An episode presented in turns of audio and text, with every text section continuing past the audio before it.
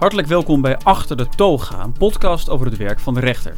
Ik ben Roel Maaldrink en in de Week van de Rechtspraak interview ik iedere dag een rechter over een veelbesproken onderwerp. En vandaag is dat verkeersmisdrijven. En daarover praat ik met Rogier Sonneveld, strafrechter bij de rechtbank Gelderland. Welkom. Dankjewel. Waarom dacht je ooit, ik ga recht studeren? De eerlijkheid gebiedt mij te zeggen dat mijn vader uh, jurist is, mijn grootvader is jurist. Met de paplepel? Met de paplepel ingegoten. Um, en ik heb ook nog wel eens gedacht om econometrie te gaan studeren, geschiedenis te gaan studeren. Zelfs filosofie is nog wel eens aan me voorbij getrokken. Maar ik dacht, rechten is toch wel een hele praktische studie waar je alle kanten mee opkomt. Want ik had eerlijk gezegd nog geen idee wat ik wilde worden. Eén ding had ik altijd wel uh, voor ogen. Dat is een, de vader van een goede vriend van mij, die was rechter. En ik was altijd zo erg geïntrigeerd door zijn werkkamer. Een mooie grote kamer met grote stapels do dossiers en Um, hij zat er altijd, altijd aan te werken. Het was ook een hele leuke, intrigerende, geestige man. Die mooi over zijn werk kon vertellen. Dus dat had ik altijd wel in mijn achterhoofd. En verkeersmisdrijven doe je nu veel? Die behandel je veel? Iedere strafrechter bij ons behandelt ook verkeersmisdrijven. Mm -hmm. En wat maakt die zaken zo interessant? Of vind je die überhaupt interessant? Zou kunnen dat, uh... Ik vind ze heel interessant. Ik vind ze uh, ook tegelijk uh, heel verschrikkelijk om te doen, want het zijn vaak hele verdrietige zaken. Uh, het maakt ze ook heel moeilijk, omdat het gaat om fouten die mensen maken in het verkeer. Onvergeeflijke fouten aan de ene kant. Aan de andere kant ook hele menselijke fouten.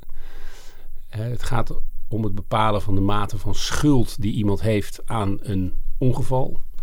Ehm, en opzet speelt daarin helemaal geen rol. Dus de mensen die, die je die je tegenover je ziet, hè, de, de verdachte, die, die heeft dat allemaal nooit gewild. Kijk, als je iemand doodmaakt of iemand doodschiet, dan heb je gewild dat iemand komt te overlijden of uh, letsel oploopt. Um, maar bij verkeersongelukken heeft nooit, iemand dat, heeft nooit iemand het gevolg gewild. Dus die mensen die je bij die verkeersmisdrijven in de rechtszaal ziet, dat zijn hele andere mensen dan bij andere delicten? Voordat we zo'n zitting beginnen, zeg ik altijd tegen de verdachte: als dat zo is, dat, ik, dat het een hele atypische verdachte is. De meeste verdachten, um, uh, nou ja, dat zijn mensen met, die vaker met justitie in aanraking zijn gekomen. Die kampen met verslavingsproblemen, psychische problemen, noem allemaal maar op. Met een verstandelijke beperking. Maar mensen die voor zo'n verkeerszaak voorkomen, zijn toch heel vaak, niet altijd, maar heel vaak, zijn dat gewoon doodgewone mensen die ja. een fout hebben gemaakt. En bij zo'n verkeersmisdrijf, waar moet ik dan precies aan denken? De meest voorkomende, en die iedereen denk ik ook wel kent, en waar iedereen zich ook wel wat bij kan voorstellen, is rijden onder dus invloed. Rijden onder invloed van alcohol, drugs, dat komt ook steeds vaker voor. Um, dat is één verkeersmisdrijf. Een ander verkeersmisdrijf is rijden zonder geldig rijbewijs. Uh, of rijden zonder dat je überhaupt een rijbewijs hebt gehaald. Ja. Um, dat is dan geen misdrijf, maar een overtreding. Maar goed, laten we het even uh, makkelijk houden. Rijden zonder geldig of zonder rijbewijs. Um, en daarnaast heb je zaken waarbij mensen um, een ongeluk hebben veroorzaakt, althans worden verdacht van het veroorzaken van een ongeluk, um, waarbij een slachtoffer letsel heeft opgelopen um, of is komen te overlijden. Ja, dus dat is eigenlijk best wel een breed palet wel aan wat je behandelt. Verkeerszaken is, is een heel, heel breed uh, ja, dat, dat, dat zijn hele verschillende zaken. Ja, klopt. Ja. En je zei net ook al, dat zijn andere verdachten dan die je in, in, in andere zaken ziet. Is dat dan ook een beetje iets wat, wat, wat ons allemaal kan overkomen? Um, dat zeg ik altijd wel. Maar als ik daar wat langer over nadenk, um, denk ik niet dat iedereen dat zomaar zal overkomen. Kijk, de meeste mensen gelukkig letten gewoon heel goed op. Stappen al helemaal niet met drank op achter, achter het stuur. Dat, dat, dat zijn overigens ook weer hele andere zaken. Maar mm -hmm. uh, zaken waarbij mensen moeten voorkomen omdat ze een ongeluk hebben veroorzaakt. Het, het gaat vaak om hele grote, toch wel hele ernstige fouten. En zoals dus een collega van mij willen zeggen, ja, die fouten maak je toch niet zomaar. Zijn het vaak ernstige fouten of zijn de gevolgen vaak heel ernstig? Ik kan me voorstellen dat je even 1, 2 seconden misschien niet oplet en dat kan al een, een dodelijk, dodelijk afloop hebben. Het is eigenlijk beide. Um, je moet als rechter in dit soort zaken, hè, dus zoals het gaat om die ongevalszaken, noem ik het maar even, moet je twee stappen zetten. De eerste stap is dat je moet kijken of er sprake is van een ernstige verkeersfout. Hè. Het moet niet zomaar gaan, het, het, het, moet niet gaan om een, wat wij dan een beetje plechtig noemen, een momentane onoplettendheid. Dus in een of het, moet niet, het gaat niet om een situatie waarin je even niet goed oplet. Waarin je per ongeluk een fietser van rechts niet hebt zien aankomen. Of een auto van rechts hebt zien aankomen. Het moet echt gaan om een grove fout. Waarbij je meerdere verkeersovertredingen maakt. Of waarbij je op de verkeerde weghelft te, recht komt. Of waarbij je te hard rijdt en door rood rijdt. Weet je, het gaat echt om wel om ernstige fouten. Dat moet je eerst beoordelen. En vervolgens ga je kijken, als het gaat om de strafoplegging, dus welke uh, straf is passend, dan kijk je naar de gevolgen. Gaat het om een dodelijk slachtoffer of heeft het slachtoffer letsel, uh, dus alleen maar tussen grote aanhalingstekens, heeft hij letsel op, opgelopen. En de ernst van de gevolgen is mede bepalend voor de hoogte van de straf. Ja. Uh, heb jij een zaak die jou bijzonder is bijgebleven? Het zijn eigenlijk twee. De, de eerste die ik meemaakte, toen was ik net rechter. Uh, toen had ik al het nodige langs zien komen aan, um, aan roofovervallen, aan vecht, vechtpartijen, noem maar op. En toen in één keer kreeg ik op een goede dag um, een zaak waarbij uh, een jongetje, Ari, uh, kwam te overlijden. Die, was, die kwam met zijn fiets onder een vrachtwagen. Um, die zaak kwam wel binnen, omdat ik het zo totaal niet verwachtte. En ook dus de, de vrachtwagenchauffeur die had een hartaanval gekregen, althans dat zei hij. En door die hartaanval, hij voelde dat hij hartklachten kreeg. Hij kreeg het benauwd. En hij, hij, hij, hij kreeg, hoe noemen we dat, uh, steek in zijn, in zijn schouder. Tijdens het rijden. Ja. Tijdens het rijden is toen, wat je eigenlijk had moeten doen, wat hij had moeten doen met zo'n grote vrachtwagen. Had zo'n vrachtwagen aan de kant moeten zetten en had mm. 112 moeten bellen. Hij had bedacht, nee, ik rijd door, want ik ben er bijna. Ja. Nou, dat is Ari uh, fataal geworden. Ja. Die stond op een, op een vluchtheuvel samen met zijn zusje te wachten. En nou ja, de vrachtwagen is over een jongen heen gereden. Um, dat, dat heeft wel indruk gemaakt. Toen dacht ik, oeh, dit is dus ook het werk van een strafrechter. Maar de meeste... Moeilijk, hele moeilijke zaak dan. Ja. ja. in zekere zin. Ja, deze was in, in zekere zin niet zo moeilijk, omdat deze man, uh, deze vrachtwagenchauffeur, had gewoon moeten stoppen. Die had gewoon ja. niet moeten doorrijden. Die was nog kilometers, dat was heel mooi in kaart gebracht door. Dus de politie, die, die hadden heel duidelijk laten zien dat hij nog kilometers door was gereden. Dat had hij gewoon niet, niet mogen doen. Dus in die zin was het niet moeilijk. Het vond het vooral heel heftig om de nabestaanden van Ari, uh, de, dus, dus de ouders en zijn broers en zijn zusjes, um, uh, te zien. En, maar de meeste indruk heeft toch wel gemaakt een zaak um, van een jongen die, of van een verdachte jongen, sorry, van een jongen, 24 jaar of zo, of 3, 24 jaar. Doodnormale jongen, had een baan. Uh, het was vrijdagmiddag. Hij gaat op weg van, van werk naar huis met de waan van een normaal weekend voor zich. Uh, rijdt over de snelweg en de, de, zon hangt wat laag en die schijnt hem in zijn, schijnt hem in zijn gezicht of komt van de zijkant, maar die verblindt hem waarschijnlijk toch um, enigszins. En um, deze jongen die rijdt ik wil met, met 100, 120 km per uur over de snelweg. En die ziet de file die voor hem plotseling opdoemt, ziet hij over het hoofd. En hij knalt achterop de achterste auto in die file. En in de auto waar hij achterop knalt zat een meisje van even oud. Met dezelfde waan van het weekend voor zich. Uh, kwam ook terug van de werk. En zij, zij was op slag dood. Uh, ja. Als gevolg van dit ongeluk. Nou, die jongen die wordt verweten dat hij dus een ernstige verkeersfout heeft gemaakt, een grove verkeersfout heeft gemaakt, doordat hij die file over het hoofd ziet. Hij heeft de snelheid niet aangepast. Hij heeft geen maatregelen genomen om, uh, nou, om, om, om dus de zon uh, of, of de verblinding van de zon door de zon tegen te gaan. Toen kwam de zitting en uh, op de zitting verscheen die jongen, die, die verdachte. Die kwam als eerste binnen en je kon in één oogopslag zien dat die jongen was, was gebroken. Dat kon je zien, die kwam heel Um, een hele kwetsbare jongen. Dat kon je in één, één oog, oogopslag zien. Achter hem aan kwam zijn familie, zijn ouders, zijn broer, en, of niet zijn broers of zussen, dat weet ik niet meer precies. Maar in ieder geval kwamen wel een man of 15, 20 ja. kwamen namens hem mee. Ja. Die namen met z'n allen plaats aan de ene kant van de zaal. En aan de andere kant van de zaal kwam een ongeveer even groot gevolg. Dat waren de nabestaanden van het omgekomen meisje. Uh, nou, de zitting verliep heel emotioneel. Die jongen was echt gebroken. Uh, het, was, het, was, het was al een, een, tijd na dat ongeluk. Maar hij had, nog, hij had een, inmiddels een andere baan. Hij had nog nauwelijks auto gereden. Was weer auto, auto rij, rijlessen gaan nemen. Omdat hij eigenlijk niet meer in de auto durfde ja, ja, te zitten.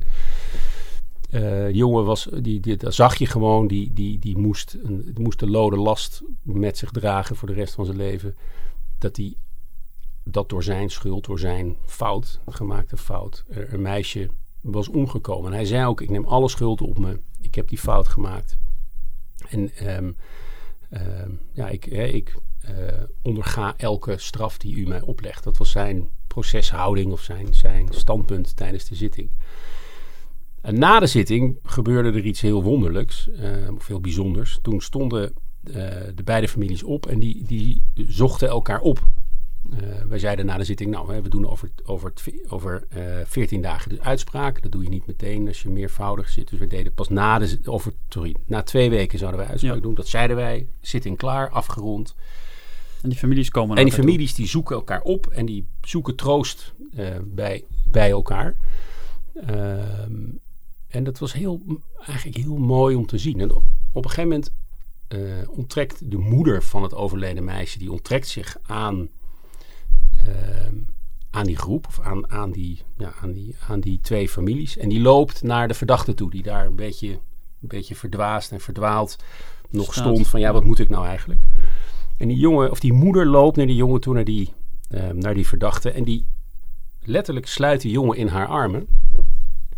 Um, en vervolgens zien wij haar iets uit haar zak pakken en dat geeft ze aan hem.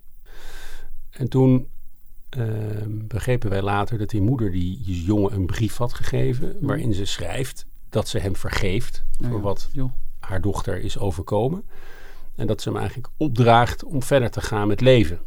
Dan zegt van jij hebt het nog, het leven. En je bent, verplicht aan mijn, je bent het verplicht aan mijn dochter om verder te gaan met leven. Wat bijzonder. Hè? Dus echt um, vergiffenis uh, uh, door degene die het meest geraakt is, ja. namelijk de moeder van een overleden kind, aan de verdachte in dit geval. En als rechter, wat doe je daar dan mee? Nou ja, dat is een, een hele interessante vraag, want dat die jongen een fout had gemaakt en dat we dat dan uh, juridisch gezien een grove verkeersfout maken, daar waren we eigenlijk vrij snel uit. De vraag was alleen, um, uh, wat voor een straf leg je dan op? En daar gaat één vraag aan vooraf. Uh, waarom zouden we nog straf opleggen? Wat is het doel van straffen in deze zaak? Over het algemeen kun je zeggen, of in het algemeen kun je zeggen, dat straffen dient, simpel gezegd, drie doelen. Eén is vergelding. Twee is algemene preventie, hè, dus af, afschrikwekkende werking of normhandhaving. Ja, voor de hele maatschappij. Voor de hele maatschappij. En het derde doel is uh, speciale preventie, namelijk zorgen dat deze verdachte of deze dader dit nooit meer doet. Ja. Die eerste en die derde zijn dan die eerste en die derde wa was eigenlijk al vergeven. Hè. Die, die, die jongen zelf, nou, daar waren we wel van overtuigd, die let in het vervolg wel op. Uh, het feit dat hij um, weer dus rijlessen was gaan nemen, had overduidelijk leed hij onder wat hem was overkomen. Dus die zou in het vervolg wel opletten. Dus uh, speciale preventie was eigenlijk niet meer aan de orde. Ook vergelding uh, genoegdoening namens het slachtoffer. Ja, was eigenlijk ook niet meer aan de nee. orde. Want als degene die het hardst geraakt wordt door een daad, namelijk um, de moeder van het overleden slachtoffer. Vraagt om door te, juist om en die door te vraagt om door te leven, leven. die Ja. schenkt hem vergiffenis. Ja, wat, wat valt er dan nog te vergelden? Ja. Um, Maar dus die algemene preventie. Uiteindelijk hebben we wel een straf opgelegd, ehm, uh, maar hebben uitdrukkelijk in ons vonnis opgenomen dat we dat doen uit oogpunt van normhandhaving. Mhm. Dus we hebben gezegd van nou, als je zo'n fout maakt, dan moet het iedereen duidelijk zijn dat, je, dat er dan zo'n straf boven je hoofd hangt. Of dat je dus een straf oplegt om te voorkomen dat mensen dit doen. Dat mensen weten, let op in het verkeer. Even heel simpel. En wat is die straf dan geworden uiteindelijk? Ongeveer? Uit mijn hoofd was het een, een, was het een werkstraf van 120 uur. Ja. En zou die straf dan veel hoger zijn geweest als die familie hem niet uh, uh, die, die brief had gegeven en hem niet had vergeven? Ja, dat vind ik heel moeilijk om dat te zeggen, maar ik sluit het niet uit. Zou ook ergens kunnen zeggen, het is misschien gek dat, dat in hoeverre de familie van het, van het slachtoffer een verdachte uh, iets vergeeft, dat dat ook invloed heeft op de strafmaat. Nou ja, een soort ook een soort willekeurige factor. Nou, niet helemaal. Want wat ik zei, het, het doel van straffen is ook vergelding. Hè? Dat, je dat, dat, dat kun je ook vertalen als je straf dient ter genoegdoening van het slachtoffer. En als het slachtoffer zegt, voor mij hoeft er geen vergelding meer te volgen, Ja. dan heeft straffen dus ook geen zin of heeft straffen geen doel meer. Ehm, dus dat zou ik niet willekeurig willen noemen. Het is alleen heel bijzonder in deze zaak dat die ouders of die moeder van dit meisje ehm, die jongen dat heeft vergeven. Maar misschien is het nog wel bijzonder om te vermelden dat wij als rechtbank of wij de rechters kregen, en ik, ik was van die zaak voorzitter, dus ik, ik kreeg hem, ehm, hij, was aan mij gericht. Eh, kregen wij maanden later een brief van diezelfde moeder, van, van de moeder van het overleden meisje. Waarin ze ons bedankte voor de waardige behandelingen op zitting. En waarin ze ons ook bedankte voor. Of dat, dat ze. Nee, ze bedankte ons ook voor het vonnis of de uitspraak. En ze zei dat het allemaal heeft bijgedragen aan het verwerken van het verdriet. Dat lijkt me heel bijzonder om te lezen als rechter. Nou, dat was heel bijzonder. Dat, dat is me niet vaak overkomen. Dat Nee. ik een brief kreeg van, van iemand over een zaak. En dat, dat heeft me ook wel geraakt, moet ik heel eerlijk zeggen. Ehm, en elke keer als ik erover praat, merk ik dat het, dat, het, dat het me nog steeds wat doet. Ja. Ja. En dit is waarschijnlijk joh, de uitzondering. Hè? Ik kan me ook voorstellen dat in de meeste...